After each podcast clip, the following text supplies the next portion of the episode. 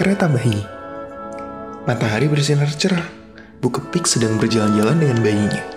Bayinya berbaring dalam kereta yang dibuatkan oleh Pak Bajing, tukang kayu, dari keranjang, payung, dan roda berlapis karet. Di tengah jalan, dia bertemu dengan Bu Labah-Labah yang juga berjalan-jalan dengan bayinya.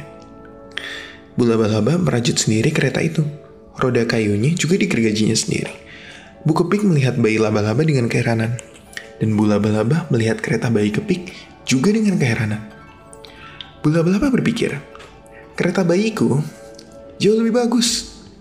Tak ada binatang lain yang punya kereta bayi dengan keranjang lembut dan bisa mengayun bayi seperti ini.